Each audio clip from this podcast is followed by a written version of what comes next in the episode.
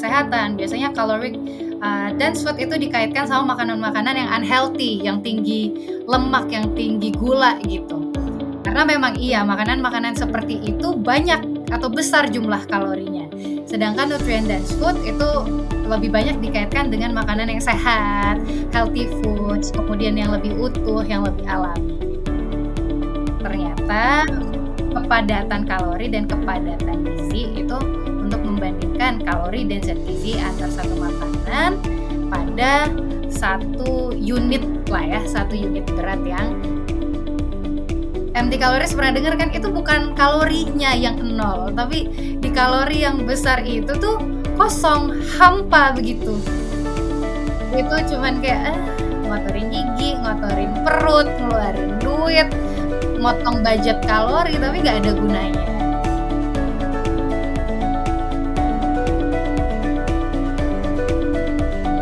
Halo semuanya, selamat datang lagi di podcast Sehat Seutuhnya season yang kedua bersama saya Will Yonas. Di episode podcast kali ini kita akan bahas mengenai caloric dense food versus nutrient dense food atau kalau di bahasa Indonesianya mungkin makanan padat kalori versus makanan padat nutrisi. Nah, mungkin teman-teman ada yang udah pernah dengar istilah ini atau belum? Tapi kita bakal explore. Ini akan jadi salah satu topik yang menarik kalau kita mungkin yang udah belajar gizi banyak ya belajar soal ini tapi akan menjadi hal yang praktikal juga buat teman-teman untuk mengerti. Nah, di episode podcast kali ini kita sudah kedatangan Sherlyn Gabriel Hafrar, SGZ, MGZ, seorang ahli gizi yang tamat dari UI. Lalu baru beres juga nih masternya dari Seameo Rekfon. Langsung aja kita mau welcome Sherlyn Gabriel Haflar, SGZ M Gizi. Halo, Halo. Gebi. Halo, gimana kabarnya nih? Hai Will, baik, baik. Gimana Will kabarnya? Baik, baik, aman di Bandung. Ini, Ini posisi uh, hmm? posisi di mana nih? Posisi di rumah, di kamar di Jakarta. Oke, oke. Hmm. Thank you banget udah mau diundang ke podcast untuk pertama kalinya ya. Dan sure hari ini kita bakal ngobrolin soal caloric dense food versus nutrient dense food. Hmm. Nah, uh, mungkin sebelum ngobrol nih, uh, yang aku tahu juga uh, KGB seorang vegetarian. Betul. Bener? Betul banget. Ini vegetarian dari kapan nih? Dari lahir, dari kecil atau gimana nih? Nah, um, vegetarian tuh udah dari lahir. Man, okay. uh, versinya ganti-ganti ya. Kayak awal-awal bayi gitu. Ya awal-awal bayi. Maksudnya awal-awal kehidupan aku uh, vegan tuh kayaknya. Karena aku mm, alergi telur terus juga dulu agak intoleran ya sama susu sapi. Kemudian hmm. setelah besar beranjak dewasa dengan lingkungan sekarang ya vegetarian aja. Akan lagi coba usaha keras banget nih untuk balik ke whole plant based diet sebelum negara api menyerang. oke oke menarik banget ya ini uh, karena ngelihat apa ya mungkin banyak juga orang yang masih meragukan gitu kan bahwa pola makan plant based diet yang mayoritas atau 100% kita makan nabati itu bisa memenuhi kebutuhan gizi sepanjang si semua siklus hidup gitu ya. Tapi ini KGB ini dari dari lahir banget nih. Gokil nah, banget. Betul. Terus um, banyak orang nanya kan emang nggak mau uh, coba nggak mau. Makan ayam enak loh ikan enak loh. Right right. Kenapa aku memilih tetap ada di plant based diet ini? Jadi aku memilih untuk tetap plant based itu mungkin dari SD dari aku bisa memikir agak baik gitu berpikir hmm. dengan sedikit lebih bijaksana. Adalah karena aku menyadari nih momen-momen waktu SD kan banyak banget ya teman-teman kita yang suka absen gara-gara bapil gitu kan, dikit-dikit yeah. sakit, tipes lah, DBD lah. Sampai sekarang hmm. aku belum pernah tipes dan DBD, puji Tuhan. Jadi berarti uh, plant based diet ini membuat imunitasku tidak lebih rendah daripada teman-temanku yang hmm. lain, tapi malah mungkin lebih baik gitu. Aku nggak membandingkan uh, pola hidup yang lainnya juga, tapi at least for hmm. me, aku cukup jarang sakit Hmm. Terakhir aku demam kayaknya SMP dan sekali di tahun 2019. Eh, gitu. deh. Wow, jarang banget tuh sakitnya. ya dan secara ini uh, perkembangan otak dan kognitif ya, eh kebetulan aku yang nggak di ranking akhir-akhir banget sih masih bisa catch up sama pelajaran sekolah sih, ya lumayan lah ya. Bisa masuk UI lagi ya? Nah, itu anugerah Tuhan kalau yang itu ya. Oke oke menarik menarik. Oke ini kita bakal langsung ngobrolin soal nutrition uh, caloric dense food sama nutrient hmm. dense food. Um, ini apa sih? Kalau mungkin bisa dijelasin dulu nih buat teman-teman kayak makanan padat kalori itu apa? Oke, jadi sebenarnya ini konsep yang uh, kita mikirnya sederhana aja gitu, ya. Hmm. Uh, kalau zaman sekarang orang itu atau mungkin ini pengaruh ini juga sih pengaruh internet, pengaruh yang diajarkan sama banyak ahli kesehatan. Biasanya caloric uh, dense food itu dikaitkan sama makanan-makanan yang unhealthy, yang tinggi lemak, yang tinggi gula gitu. Hmm. Karena memang iya makanan-makanan seperti itu banyak atau besar jumlah kalorinya. Sedangkan nutrient dense food itu lebih banyak dikaitkan dengan makanan yang sehat, healthy foods, hmm. kemudian yang lebih utuh, yang lebih alami. Tapi sebenarnya secara definisi ya uh, bukan seperti itu ya, bukan membandingkan healthy dan unhealthy, tapi hmm. kalau yang namanya calorie density ya itu udah pasti kepadatan kalori pada suatu makanan dengan uh, berat tertentu. Ini beratnya penting juga. Karena hmm. untuk memastikan kepadatan atau enggak uh, kepadatan kalorinya padat atau enggak, kepadatan gizinya padat atau enggak itu nanti uh, berdasarkan perbandingan kalau mau membandingkan kan hmm. kan berarti harus ada satu uh, berat atau satu satuan yang sama kan. Hmm. Nah, nanti akan kita bahas tuh lebih lanjut. Ternyata okay. kepadatan kalori dan kepadatan gizi itu untuk membandingkan kalori dan zat gizi antar satu makanan pada satu unit lah ya, satu unit berat yang sama. Jadi di unit berat contohnya 100 gram makanan A dan makanan B Mana yang lebih hmm. padat kalorinya? Berarti semakin besar kalorinya di satu unit tertentu di 100 gram itu ya berarti dia lebih padat kalorinya. Gitu. Hmm. Sebuah makanan yang kita mau bandingkan nutrisinya. Mana yang lebih hmm. banyak? Oh, di makanan A ini vitamin dan mineralnya jauh lebih banyak di uh, eh, 100 gram. Sedangkan yang hmm. satu lebih sedikit kayak gitu. Oke, ini menarik ya. Jadi sebenarnya kayak hmm. ini tuh kayak pengelompokan ya kayak mengkategorikan sebuah makanan itu yeah. masuk ke makanan padat kalori atau padat nutrisi gitu dengan yeah. berat yang sama. Betul sekali. Mengklasifikasi okay. kali ya jadinya. Klasifikasi benar-benar benar. Jadi kita nanti mungkin bisa tahu nih teman-teman habis dengar podcast ini misalnya pisang gitu. Ini kira-kira pisang tuh termasuk kelompok makanan mana gitu kan? Atau Betul. misalnya nut butter gitu, misalnya kayak makan peanut butter, selai hmm. kacang gitu. Ini masuknya yang mana nih? Semoga teman-teman bakal dapat knowledge itu ya. Nah, hmm. gimana nih? Ada tambahan? Ah, tapi um, secara definisi yang literal itu seperti itu. Cuman hmm. beberapa dietary guidelines sudah apa ya? Nih, gue kasih tahu aja nih mana yang nutrient dense food, mana jenis-jenis yang nutrient dense food, mana yang jenis-jenis caloric dense food. Itu udah ada sebenarnya di dietary guidelines di banyak negara ya. Salah satunya mungkin di Amerika, di Indonesia juga ada hmm.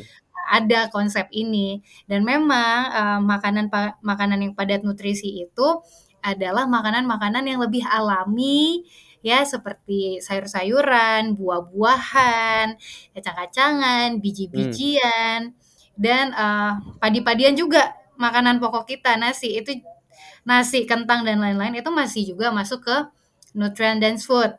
Nah, sedangkan hmm. makanan-makanan yang padat kalori itu sering dikaitkan atau lebih kepada kalau pernah dengar empty atau zero calorie eh zero nutrient food gitu, empty calories. Ya. Yeah. Empty calories pernah dengar kan itu bukan kalorinya yang nol, tapi di kalori yang besar itu tuh kosong, hampa begitu. Hmm. Bukan seperti hati saya, tapi ya hampa juga nggak nggak ada gunanya lah intinya. Itu cuman kayak eh ngotorin gigi, ngotorin perut, ngeluarin duit, hmm. motong budget kalori, tapi nggak ada gunanya. Itu biasanya dikaitkan sama junk food, dikaitkan sama makanan-makanan yang ultra processed food hmm. dan gak cuma makanan dikaitkan juga dengan um, minuman-minuman bersoda, minuman-minuman yang manis. Hmm. Mungkin kalau sekarang hmm, terkenal ke boba-bobaan gitu lah ya. Right, right. Itu makanan-makanan empty kalori ya. Jadi kayak kalorinya sebenarnya banyak tapi secara nutrisi tuh kurang rich gitu ya. Betul. Kurang Oke. Nah, ini yang mungkin yang aku pengen tanyain selanjutnya ini nih. Eh penilaiannya tuh berdasarkan apa sih? Apa yang disebut makanan? Kenapa itu bisa disebut dengan eh, padat nutrisi misalnya? Hmm. Apakah karena vitamin C-nya yang tinggi, apakah seratnya banyak atau atau apa tuh standarnya gitu? Nah, itu tadi ya. Kenapa? Atau gini deh, kenapa sih sayur masuk nutrient dense food? Kenapa sih buah masuk nutrient dense food? Iya. Nah, karena contoh, ini sebenarnya awalnya tuh sepertinya perbandingan ya, dibandingkan Hmm. dengan makanan-makanan eh, lainnya, jenis-jenis makanan lain. Makanan-makanan seperti ini tuh dalam satu unit yang sama. Let's say 100 gram. Di Indonesia kita Hmm. pakai standarnya tuh 100 gram untuk eh, membandingkan zat gizi makanan yang satu dengan yang lain agar terlihat lebih equal gitu ya, terlihat lebih Oke. sama, bisa dibandingin nih. Nah, untuk 100 gram apa ya? Kita ambil aja bahan dasar yang sama. Untuk 100 gram pisang Ambon dengan keripik pisang tuh. Sama-sama 100 Oke. gram, sama-sama dari pisang. Yang satunya nutrient dense food si pisang Ambon, yang satunya masuk caloric dense food si keripik pisang ini padahal sama-sama pisang. Iya. Kenapa begitu? Ya kan? Karena dari 100 gram ini untuk pisang Ambon yang ah, matang, yang sudah nikmat sekali dimakan, itu kita bisa dapat karbohidrat yang baik di dalamnya, kita bisa dapat serat, kita bisa Hmm. dapat berbagai vitamin dan mineral. Pun kalorinya 100 gram pisang itu gak mencapai 200 kalori gitu. Hmm. Ya kan? Sedangkan 100 gram eh, keripik pisang, tahu kan keripik pisang ringannya kayak gimana? Untuk mencapai 100 gram itu kan butuh beberapa bungkus keripik pisang. Apa yang kita dapat di Ya. dalamnya? Ya kan mungkin masih ada sisa-sisa zat gizi di dalamnya, tapi lebih banyak gula di sana, lebih banyak Hmm. natrium di sana. Hasil pengolahan si keripik pisang itu. Ada manfaatnya 100 gram keripik pisang? Gak ada ya, kurang ada manfaatnya. Tapi 100 gram pisang tentu banyak manfaatnya. Nah, begitulah eh, akhirnya banyak dietary guidelines, banyak research research, research yang udah mulai bisa nih kita kelompokin makanan-makanan kayak gini tuh nutrient dense, makanan-makanan yang kayak gini tuh caloric dense food kayak gitu. Oke. Tadi kayaknya eh, Gaby sempat mention juga kalau sebenarnya chart dari guide dietary guideline sebenarnya udah banyak juga yang ngeluarin ya. Jadi kita Hmm. mungkin nggak usah kayak eh, mikir gimana banget, tapi kalau ngelihat guidelines-nya bakal ngebantu ya. Prinsipnya sebenarnya itu tadi, yang nutrient dense food itu yang lebih alami dan eh, jenis-jenis makanan yang seharusnya kita makan tiap hari aja sih. Nah, eh, Hmm. makanan pokok ya, nasi, ubi, umbi-umbian, jagung dan lain-lain, sumber protein Iya. dan sayur buah. Udah itu nutrient dense food. Yang lain mah gak usah dipikirin.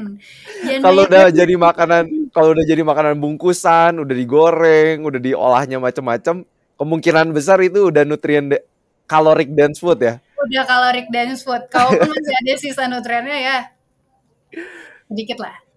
Gitu. Oke, oke, oke.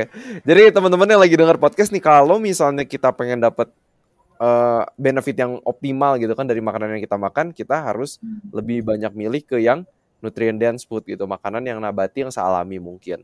Nah, tadi Betul. sempat mention soal berat makanan gitu kan. Seringkali kan comparisonnya antara 100 gram sama 100 gram. Mm-mm. Tapi aku sempat mikir juga gitu soal ini Hmm. karena contoh, oh ya kalsium di tempe tinggi 100 gram tempe. Oke lah kalau kita 100 gram tempe mungkin nggak terlalu banyak gitu. Tapi dibandingkan dengan 100 gram eh, sesame seeds atau biji wijen, kan itu Hmm. kalsiumnya juga tinggi tuh. Kalau nggak salah di 100 gram tuh ada sekitar seribuan miligram. Mm-mm. Kan tapi pas aku udah ngeliat kayak bentar kan kayaknya untuk ngabisin 100 gram biji wijen tuh lama banget gitu jadi iya nggak sih maksudnya kayak itu kan Iya, banyak betul. banyak banget gitu kita pakai cuman buat ditabur di makanan gitu Mm-mm. Eh, kecuali kita bikin tahini tapi nah itu gimana sih apakah perbandingan 100 gram dengan 100 gram itu sebenarnya equal gitu Nah, apakah sebenarnya equal? Baik, equal itu ketika kita mau membandingkan satu makanan dengan makanan yang lain, gitu ya. Hmm. Itu kita bisa lihat tuh, oh di 100 gram ini, ini uh, kandungan kalsiumnya sekian. Tapi untuk menjadi makanan kita, kita anggap saja pengetahuan kita per 100 gram makanan itu menjadi food database kita. Hmm. Contoh, oke, okay, contoh biar lebih gampang. Kita ambil kita ambil kalsium aja nih ya. Berapa iya. kebutuhan yeah. kalsium kita sehari? itu sekitar 1000 sampai hmm. 1200 miligram, ya kan? Hmm. Oke. Okay. Ya. Put that aside, kita taruh dulu ke pinggir nih kebutuhan kita 1000 sampai 1200 miligram. Oke, kita kembali ke tadi makanan-makanan per 100 gram yang tinggi kalsium, ya kan? Ada yeah. apa aja tuh? Kita masukin di food database otak kita. Oh, ada hmm. sisemisid, sisemisid itu per 100 gramnya sekitar 980-an uh, hmm mikrogram. Hampir seribu lah ya. Hampir seribu miligram, oh miligram banyak, hmm. tapi itu per 100 gram itu kita masukin dulu di otak. Oh, berarti hmm. dia sumber yang baik. Terus sumber yang lain apa? Sumber yang lain ada tahu, tahu per 100 gram itu 200-an uh, miligram kita masukin hmm. dulu. Jadi food database kita. Tempe sekian, uh, sayur ini sekian. Itu itu per 100 gram itu perbandingan antara makanan itu itu yang membuat kita memiliki food database yang baik. Kita bisa hmm. milih makanan kita karena kita tahu per 100 gramnya ada berapa zat gizi di dalamnya. Hmm, oke oke oke. Ya? Make yeah. sense ya.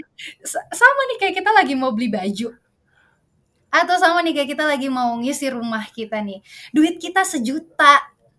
Hmm. Sejuta tuh bisa dipakai beli apa aja sih? Gitu kan? Apa hmm. apa gitu yang kita bisa uh, isi yang berkualitas dengan si sejuta ini? Gitu. Oke okay, hmm. kita balik lagi. Kita punya food database apa aja sih yang bisa memenuhi kebutuhan kita? Oh atau lebih baik gini kita butuh sejuta nih kita butuh sejuta. Hmm. kita punya resource apa aja nih untuk mencari duit sampai jadi sejuta ya kan? Hmm ngamen sekali ngamen ah cuman dapat seribu gitu paling banyak. Tapi kalau misalnya kita investasi sehari untung bisa lima ratus ribu. Kalau kita jual uh, baju online sehari bisa untung tiga ratus ribu. Kalau kita jual makanan kita bisa sehari untung dua ratus ribu. Nah hmm. dibanding yang ngamen nih kita udah punya list uh, list resource untuk mendapatkan duit sejuta dengan lebih mudah dan aman dan baik gitu kan. Hmm sama kayak gini. Kebutuhan kita tadi 1000 sampai 1200. Setelah kita punya list makanan apa sih yang bisa memenuhi ini dengan lebih baik, itu dia fungsinya si 100 gram makanan tadi membandingkan antar makanan satu dengan makanan yang lain. Contoh, hmm. contoh 1000 sampai 1200 true kita nggak bisa makan biji wijen. biji wijen uh, eh, 100 gram banyak banget. Tapi kita bisa makan biji wijen sekitar 2 tablespoon sekitar hmm. 20 gram ya kan 20 gram itu berarti hmm. uh, misalnya kayak Willy kan suka bikin apa tuh smoothie bowl pagi-pagi bisa yeah. kita bikin smooth apa si semisit kan kita udah dapat 200 miligram dari situ hmm. terus kita mau tambahin almond udah kita bisa dapat 85 miligram dari situ kemudian hmm. makan siang Nah, makan siang kita mau makan nasi, lauk apa lauk yang murah mat tahu gitu ya. Tahu yeah. udah dapat kita tambah 200 uh, eh, kalsium dari tahu. Terus hmm. aku mau kenalin satu uh, makanan kesukaan aku, sayur dari Manado namanya daun gedi. Itu juga baru aku cari tadi berapa sih daun gedi? Banyak kalsium. kalsiumnya. 440 mg per 100 gram. Wow, banyak banget. Dan itu sangat mungkin kita makan per 100 gram karena satu porsi sayur kan 100 gram. Iya, betul betul. Ya kan? Wah, itu udah berapa tuh? Hitung aja udah 800-an kan? Iya, makan, baru sampai makan siang itu. Baru sampai makan siang, makan malam, let's say tempe, murah, mudah, bermanfaat. Hmm. Kan tempe uh, per 100 gramnya dia 200-an. Let's say kita hmm. makan dua potong sedang 50 gram, 100. Terus tahu daun kelor gak? Iya, tahu daun kelor. Itu juga tinggi tuh. Itu tinggi banget. Itu 1077 miligram. No way. 100 gram. Yes. Dan itu mah kalau di Bandung dilalap. Bisa juga Bener. di Nah, kuncinya apa? Kuncinya dalam memenuhi kebutuhan kita yang besar itu kita nggak bisa bergantung dari satu jenis makanan. Gitu. Hmm. Mau makanan itu besar, tentu kita nggak bisa bergantung dari satu jenis makanan kecuali kita mau makan daun kelor tiap hari sama sisi nyisir iya. Tapi kuncinya itu tadi kenapa kita butuh keberagaman makanan karena kebutuhan zat gizi kita masing-masing itu baru kalsium loh. Kalau kita Hmm. mau eh, kita mau mikirin satu-satu bakal ah yang kepala kita mah. Tapi kuncinya makanan-makanan yang murah, meriah, dikasih sama Tuhan, ada alami diciptakan, itu nggak Hmm. cuman mengandung satu jenis zat gizi, tapi bisa memenuhi berbagai zat gizi yang kita butuhkan. Itu dia kenapa aku mau balik ke ini ya, nutrien dan kalorik uh, dense Hmm. food. Kenapa penting sih? Oke, tadi kita udah uh, kasih ilustrasinya ke duit karena duit ini mudah sekali kita ingat di otak kita ya. Benar, benar. Oke, let's say kalori, let's say kalori itu budget, budget kita uh, dalam satu hari gitu ya, Oke. gitu. Kita dikasih budget contohnya 1.500, aku dapat budget 1.500 atau kalau dirupiahin jadi satu juta lima ratus ribu. Hmm. Rumah aku, rumah aku butuh membayar listrik, butuh beli deterjen, Hmm. butuh um, bayar air, kemudian butuh beli eh, kebutuhan pokok rumah tangga gitu ya. Sebenarnya aku Hmm. punya nih dengan satu juta lima ratus ribu ini, aku bisa memenuhi kebutuhan-kebutuhan itu. Aku bisa beli yang rumahku butuhkan. Iya. Gitu. Nah, apa yang rumah kita butuhkan itu si makronutrien dan mikronutrien, Hmm. energi, eh ka- apa namanya lemak, Karbo. Protein, Protein, karbohidrat, vitamin, mineral, serat. Itu yang kita butuhkan. Dan kita Hmm. bisa memenuhi itu dengan budget kita untuk makan gitu. Hmm. Nah, kalau kita eh, makan energi, eh, kalau kita makan nutrien dense food, itu sama aja kayak kita memenuhi dulu nih kebutuhan-kebutuhan rumah tangga kita dengan tepat dan sesuai dengan budget yang kita punya. Hmm. Tapi kalau kita makan caloric dense food itu seakan-akan kayak gini nih dengan satu juta lima ratus ribu yang gue punya ini kebutuhan primer sekunder di rumah ini nggak dipenuhi tapi malah kita beli hal-hal yang kita nggak butuhin buat tubuh yang kita nggak butuhin buat rumah kita malah membawa petaka untuk rumah kita. Gitu. Itu Hmm. semoga make sense ya. Karena tubuh kita ini kan juga rumah ya. Kita tuh punya banyak sekali hal-hal yang harus kita penuhi dengan makanan. Tapi Hmm. makanan yang kita makan sering kali nggak memenuhi kebutuhan-kebutuhan itu. Dan oke. hanya berfokus, oh ya udah loh kan gue punya budget kalori sekian ya gue pakai aja gitu. Hanya fokus ke kalorinya. Hmm. Contoh. Dan kayaknya Hmm. bahayanya ini ya. Orang bisa rasa kenyang tapi sebenarnya kebutuhan gizinya nggak terpenuhi gitu. Itu dia, seakan-akan nih eh, karena gue punya budget sekian ya udahlah gue pakai aja buat apa aja. Sedangkan dia me- meneglect atau apa apa namanya Tidak nggak memperhatikan gitu. memperdulikan gitu Iya. bahwa ada kebutuhan yang harus dia penuhi. Banyak banget nih aku ketemu orang eh, dia ngebudgetin makan paginya 400 kalori gitu kan. Oke. Lumayan tuh kita udah bisa makan apa tuh dengan 400 kalori. Ini Hmm. fokus orang tuh sering kali kalori, kalori, kalori, kalori, kalori, lupa gitu. Ada nutrisi yang perlu dipenuhi, ada vitamin, Hmm. mineral, serat, ada protein, lemak, karbohidrat yang harus dipenuhi selain dari kalori. Akhirnya dibandingkan mengisi 400 kalori itu dengan nasi lauk dan sayur, habislah 400 kalori itu dengan dua potong bolu. Itu, itu kan hmm, kebutuhan yang seharusnya dipenuhi nggak nggak dipenuhi, tapi ya udah karena fokusnya ke kalori doang nih. Hmm. Yang penting gue nggak lebih dari 400 kalori. Ya udah Oke, makan oke. bolu aja gitu. Ini ini kayaknya seru ya kalau maksudnya di dalam conversation sehari-hari itu ada juga gitu tentang nutrient dense food ini gitu. Karena i- betul Hmm. sih kayak kita kayaknya dalam conversation care-nya soal kalori gitu. Karena mungkin banyak orang Hmm. yang care-nya sama berat badan gitu kan. Betul.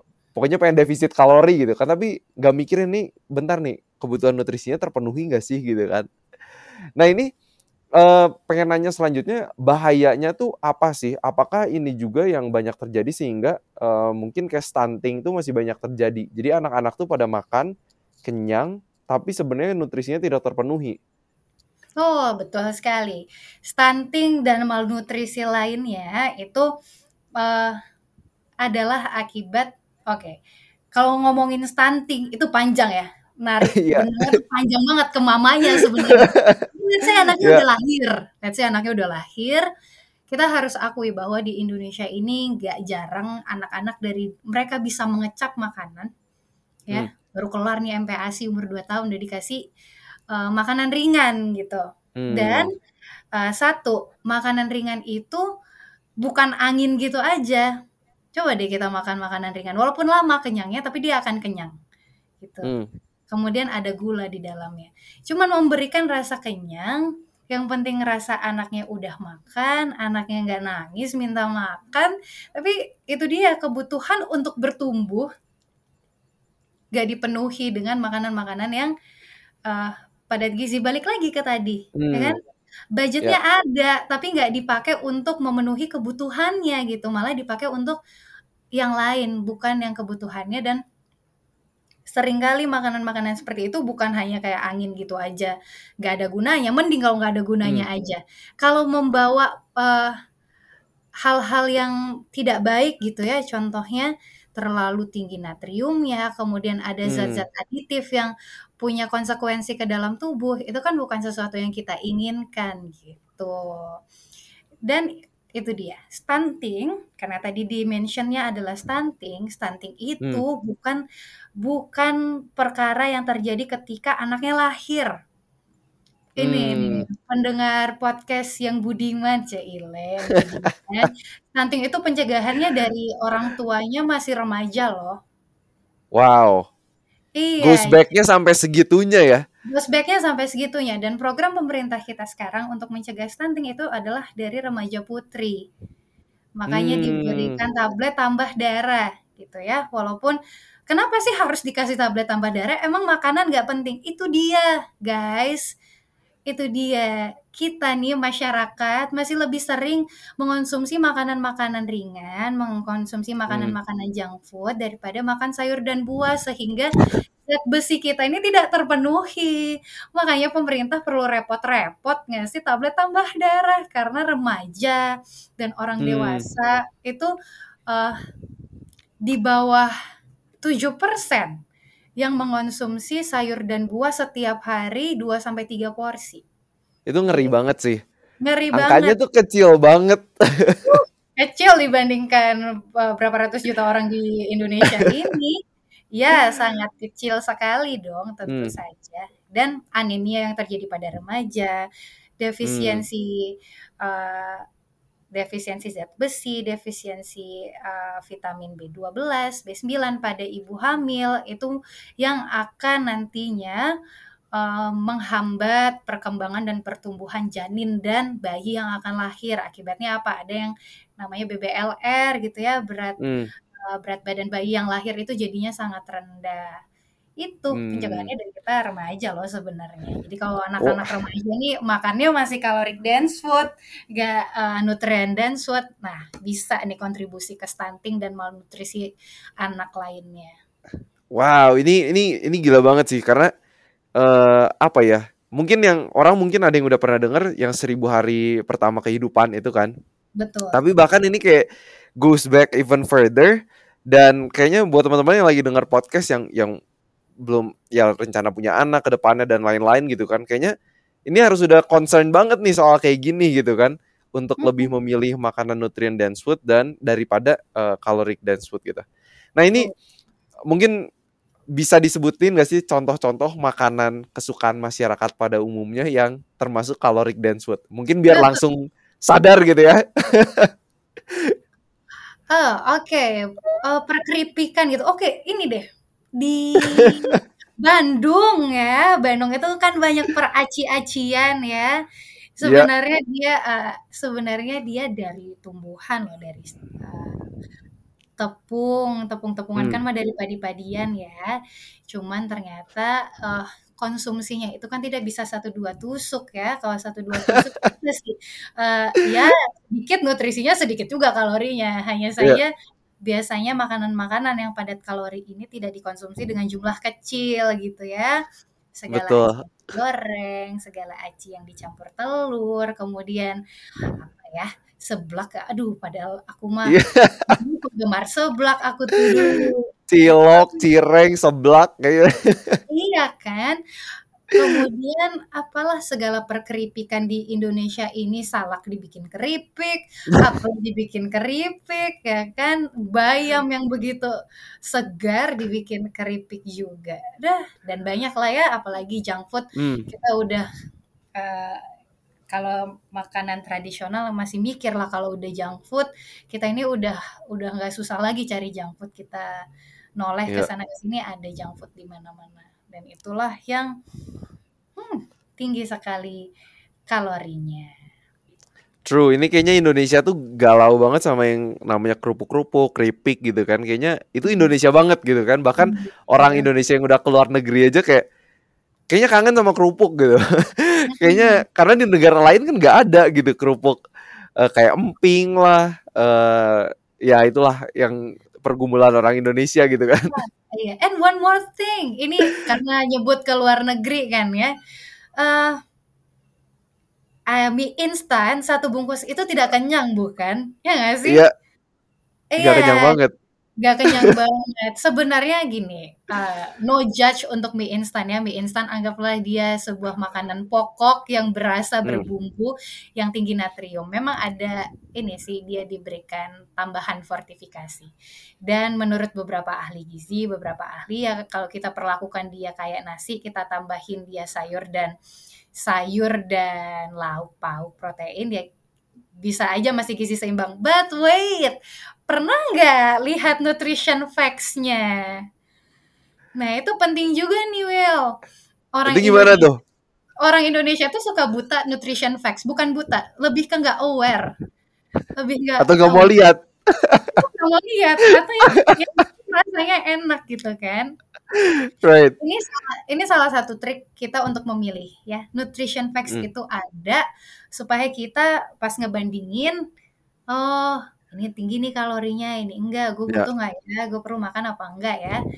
Oke, Hmm. kalau misalnya darurat kita nggak ada lagi makanan gitu ya, anak kosan, eee, sediakanlah dengan cara yang lebih baik gitu ya. Emergency no food judge lah ya. no judge untuk mie instan ya, nanti, eee, podcast kamu di-ban sama mie instan, tapi please aware dengan kalori itu dia, tinggi kalorinya, Hmm. nutrisinya udah pasti, eee, aslinya nggak ada ya, aslinya Hmm. nggak ada, itu difortifikasi gitu. Kalaupun Hmm. melihat di sana ada vitamin mineral tuh di difortifikasi. Hmm. Nah, kalorinya itu Berapa tuh? kayaknya 300-an deh. Coba ada nggak mie instan? Nggak ada ya kalau Willy mah ya. Coba teman-teman coba teman-teman yang lagi denger podcast, kalau di dapurnya ada mie instan, please lihat. Berapa sih kalorinya? Biasanya yang digoreng, ya Hmm. mie instan goreng itu akan lebih tinggi kalorinya gitu ya. Karena prosesnya memang supaya dia preserve, supaya dia bisa tahan lama di toko, itu kan dia Hmm. digoreng. Jadi emang udah digoreng mie in mie instan itu, jadi tinggi deh dia kalorinya. Baru gitu nggak cukup 1 kan, makanlah 2, Right, right. potonglah budgetnya 800 kalori gitu. Udah gitu makannya tengah malam lagi, pas lagi begadang. Makan tengah malam gitu kan, kita aja matahari udah capek, apalagi usus kita udah kerja seharian, malam harusnya istirahat, dia harus kerja lagi ususnya. Right, right. Nah ini by the way ngomong em, beberapa tadi karena mention soal ngegoreng juga gitu kan. Ini Mhm. eh, banyak juga yang mungkin concern soal minyak gitu kan. Minyak Mhm. ini ini termasuk nutrient dense food atau caloric dense food nih? Oh, minyaknya? Iya, minyaknya. Minyaknya, oke gini, minyak itu kita butuh lemak ya, kita butuh lemak dan kita bisa dapat dari minyak sebenarnya untuk Hmm. memenuhi kebutuhan lemak. Karena, ya kita nggak boleh musuhan banget loh sama lemak, kita butuh loh lemak ya Right. kan.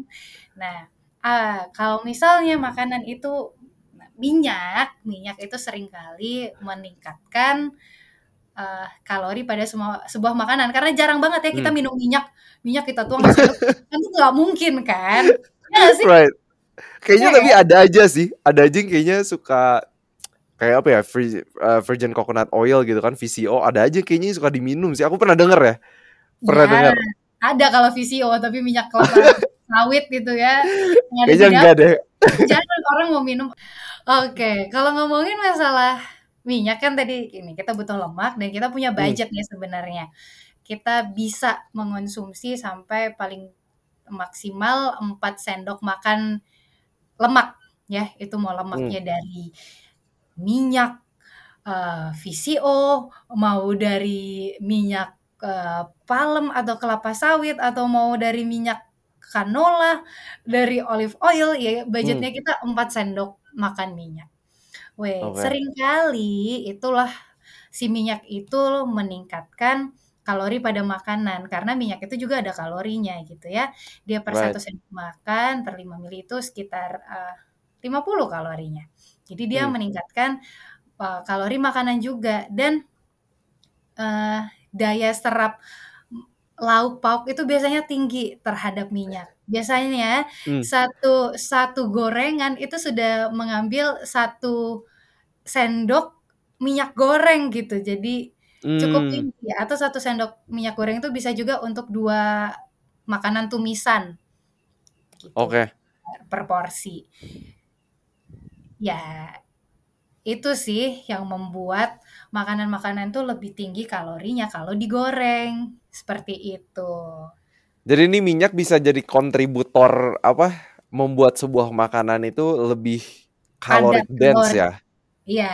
lebih pada kalori. Kalau kalau ini ada spektrum, tadinya nih tempe itu nilainya nilai kalorinya 3 gitu ya. Iya. Begitu digoreng kepadatannya meningkat menjadi 5 atau 6. Nah, begitulah kira-kiranya. Oke, jadi semoga teman-teman bisa lebih kebayang ya. Hmm. eh ini soal-soal minyak ini gitu. eh terus mungkin yang aku pengen tanyain eh buat orang-orang yang plant based atau yang non plant based juga kan mereka suka makan makanan seperti nut butter, selai kacang, selai Mhm. almond, apa pun lah. Nah ini ini gimana sih maksudnya? Karena kan kacang ini termasuk makanan yang padat kalori gitu, tapi juga padat nutrisi gitu kan. Nah ini ini gimana nih menurut Gaby? Hmm. Oke. Kenapa nut ini padat kalori? Untuk itu nut sebelum jadi butter pun dia itu eh, makannya nggak banyak kan dia makannya juga nggak 100 gram gitu ya kalau bentuknya Right, kacang ya kan dia paling banyak inilah satu handful kalau di bengkokin gitu kan atau Mhm. paling 2-3 sendok makan sebenarnya ya kan Betul. karena memang dia mengandung lemak yang cukup tinggi protein yang cukup tinggi untuk itu eh, kacang-kacangan itu kita nggak butuh terlalu banyak Hmm. gitu karena dia menyumbang kalorinya juga udah lumayan udah tinggi tuh 2-3 sendok Hmm. kacang udah setara sama satu eh, ikan gitu untuk eh, kalori dan proteinnya Hmm. ya kan nah untuk itu eh, kuantitas kuantitas itu juga penting untuk menjaga kalori pun nggak Hmm. dijadiin butter ya atau misalnya makanan-makanan sehat lainnya kalaupun nggak diapa-apain masih bentuk alaminya dia itu Hmm. bukan nol loh kalorinya makanan-makanan dense food itu bukan tanpa kalori kan Right. Nggak Mm-mm, gitu. Nasi nih yang tadinya cuman seratusan kalori kalau satu porsi ya kalau kita makan dua dua porsi ya kalorinya juga dikali dua ya. Dikali dua. dikali dua jadi gitu. Makanan nutrien dan food sekali lagi harus kita taruh di otak kita itu bukan tanpa kalori. Itu juga Hmm. berkalori.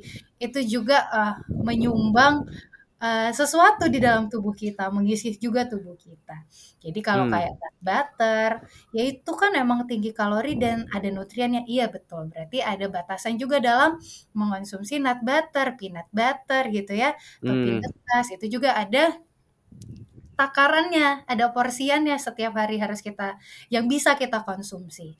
Ya misalnya se nih kalau hack-hacknya ahli gizi gitu ya, kalau butter Aha. atau peanut butter itu sebesar jempol tangan kita, itu satu porsinya. Oke. Menarik, menarik. Jadi ini buat teman-teman uh, apa? Kadang maksudnya ada juga yang oke okay, masuk ke dunia plant based tapi mungkin juga belum punya pengetahuan ini makan nut butter banyak banget gitu kan misalnya. Ya, kita nggak tahu ya. Cuman ya kita lebih mindful lah ya. Jadi tahu oh nut butter itu termasuk juga kalorinya lumayan gitu kan walaupun juga nutrisinya juga banyak gitu. Betul. Nah, ini um, aku juga banyak uh, dengar beberapa kalau uh, sebenarnya kalau kita fokus dengan makanan nutrient dense food atau makanan-makanan whole food plant based yang sealami mungkin gitu kan se seutuh mungkin sebenarnya nggak worry nggak perlu worry uh, soal kalori gimana gitu sebenarnya kayak nggak usah counting kalori gitu ya uh, bisa makan sampai kenyang volumenya nggak usah nggak usah terlalu dibatas lah gitu. Nah ini gimana sih? Apakah kita tetap perlu aware dengan uh, jumlah kalori kalau kita makannya itu mostly nutrient dense food gitu? Oke, okay. pertanyaan yang menarik. Untuk pernyataan yang pertama, I can say that's a half truth, ya. Oke. Okay.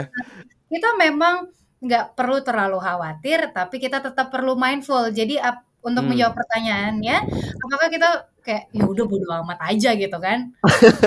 Trend dance gitu. Uh, kalorinya rendah ya enggak juga, tetap tadi ada hmm. kalorinya. Dan tetap sesuatu yang berlebihan itu nggak baik. Kalori yang berlebihan kita tetap bisa dapat dari makanan-makanan plant based, makanan-makanan yang dalam tanda kutip nutrient dense food, dalam hmm. tanda hmm. kutip healthy foods tetap bisa karena tetap ada kalori. Hmm Oke, kita put aside dulu uh, kalori uh, berlebihan itu ya.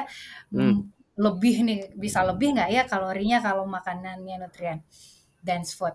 Nah, kenapa sih ada muncul pernyataan nutrien dan kalorik dense food itu sebenarnya adalah untuk kita bisa memilih mengisi budget yang tadi kan sebenarnya. Hmm.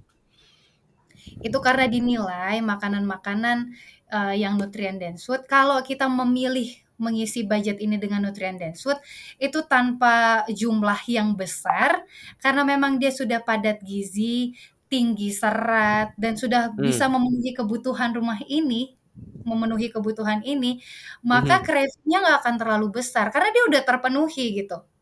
Oh, nah. oke okay, oke. Okay make sense dong ya karena yeah. Iya. uh, at least kebutuhannya sudah terpenuhi dengan tidak terlalu banyak dengan yang secukupnya dengan kayak uh, kita taruhlah porsian kita kayak isi piringku gitu hmm. dengan nasi seperempat piring, sayur buah setengah piring, lauk seperempat piring itu udah cukup banget untuk menjaga energi kita beraktivitas, udah cukup hmm. banget untuk mengisi kebutuhan vitamin, mineral, serat dan makronutrien gitu kan? Hmm. Apa bedanya kalau kita makan kalorik dense food? Kayak tadi tuh, dua potong bolu aja udah berapa? 400 kalori. Ya nggak makan dua potong bolu seharian? Atau cuman jadi energi di pagi hari? Nggak Wah, kenyang. jauh banget. Jauh, jauh banget, gak akan kenyang. ah, atau contoh satu lagi. Dulu aku suka satu brownies dari Philippines ya. Ada satu brand brown uh, brand ini sering dijadiin oleh-oleh lah okay. dari Filipina. Waduh, ada browniesnya enak banget, padat, terus atasnya kering gitu kan. Makan hmm. satu tuh nggak kenyang, sama sekali nggak kenyang. Kayak at least dua atau tiga. Waktu itu aku belum aware sama nutrition um, nutrition value sebuah makanan. Hmm. Tapi aku hmm. sempat iseng lihat, oh aduh ternyata satu itu ya ukurannya kayaknya panjangnya cuma 7 cm, kemudian uh, lebarnya cuma 2 cm, tebalnya ya hmm. ya 1 sampai 2 cm. Kecil lah. Kecil hmm. banget. Itu 300 apa 400 kalori gitu. Wow, banyak banget. Iya, iya itulah perbandingannya gitu. Kenapa sih kita hmm. lebih uh, nggak mikirin kalau makanan-makanan yang kita makan itu nutrient dense food? Karena untuk sampai ke tahap kenyang, kenyang yang manusiawi lah ya. Kita nggak hmm. tahu perut-perut orang kan beda-beda ya. Eh, Betul. Mencapai tahap kenyang yang manusiawi untuk mencapai tahap kita punya energi beraktivitas sehari-hari dan untuk memenuhi kebutuhan gizi kita yang sehari-hari, makanan hmm. yang cukup yang porsinya kita tahu itu udah cukup gitu. kayak piring isi piringku tuh udah cukup banget tanpa kita harus mikirin oh gue makan nasinya harus sebanyak apa ya gue makan sayurnya harus sebanyak Hmm. apa ya gitu Oke, oke, menarik ya. Ini teman-teman dapat banyak banget nih ilmu hari ini eh tentang caloric dense food, nutrient dense food dan semoga teman-teman jadi lebih bijaksana ya dalam memilih makanan. Itu itu tujuan kita gitu ya. Eh, teman-teman kita pengen empower teman-teman dengan knowledge. Nanti kalau by the way kalau ke teman-teman ke supermarket cobain. Eh, mungkin lihat merek tertentu keripik kentang tertentu gitu kan. Lihat nih kalorinya berapa banyak gitu kan. Eh, mie instan. Tadi juga yang Gaby bilang ya. Supaya kita lebih aware Eh, karena mungkin buat aku sendiri sekarang kalau ke supermarket itu jadi fun gitu. Kayak oh ada Hmm. makanan baru ini nih. Liatin nih nutrition facts-nya gimana gitu kan. Karena yang mungkin suka menipu juga si ininya ya eh serving size-nya ya. Jadi Betul. mungkin di nutrition facts-nya kelihatan oh kalorinya cuma 200 kok tapi padahal ada 5 serving misalnya. Terus kita habisin semua gitu kan ya itu kan 1000 kalori gitu. Kalau kita habisin jadi eh, semoga ini bermanfaat buat teman-teman. Dari Gaby sendiri kira-kira ada yang mau ditambahin dan kira-kira tipsnya pesan-pesan buat teman-teman yang lagi dengar podcast ini apa nih? Oke, tips nomor satu adalah memang paling aman untuk menjadi daily foods kita, makanan sehari-hari kita tuh nutrient dense food. Itu tadi. Kita kita nggak hanya mikirin energi itu, nggak hanya mikirin si energi budget kita itu, tapi kita harus dengan bijaksana menggunakan budget kalori kita itu. Ya, sekarang kan orang mah eh, udah aware ya tentang kalori. Kalau misalnya defisit bisa bantu menurunkan berat badan. Kalau misalnya eksesif atau lebih gitu ya, itu naik berat badannya. Orang orang udah udah tahu lah itu. Hmm.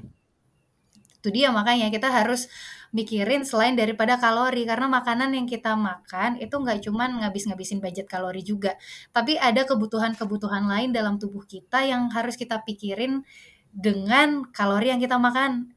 Hmm. Makanan itu jangan sampai cuma ngabisin budget kalori, tapi harus bisa memenuhi kebutuhan rumah kita nih, harus bisa memenuhi kebutuhan tubuh kita. Itu dulu yang utama. Nah, yang bisa eh, memenuhi dengan baik, dengan aman, dengan nyaman, tanpa takut eh, takut berlebih ya, tanpa takut berlebih untuk wah ini gue eksesif nih, kelebihan nih.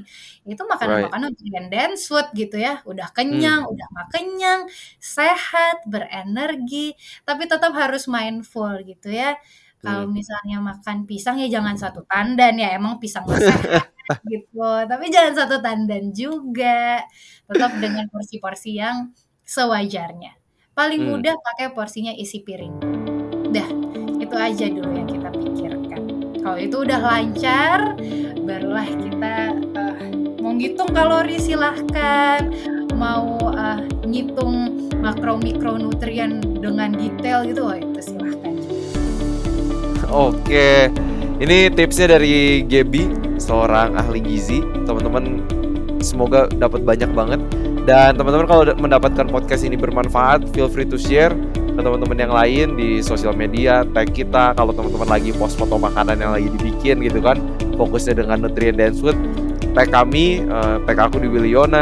Kalau ada yang mau reach out ke KGB, eh, gimana nih? Instagramnya apa nih?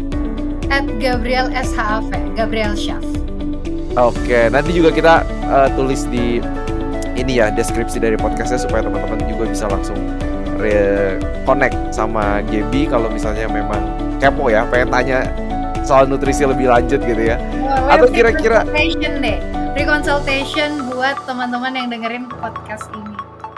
Oke, waduh ini spesial banget ya. Anyway, uh, teman-teman semoga bermanfaat sekali lagi dan seperti biasa harapan saya semoga kita sehat seutuhnya.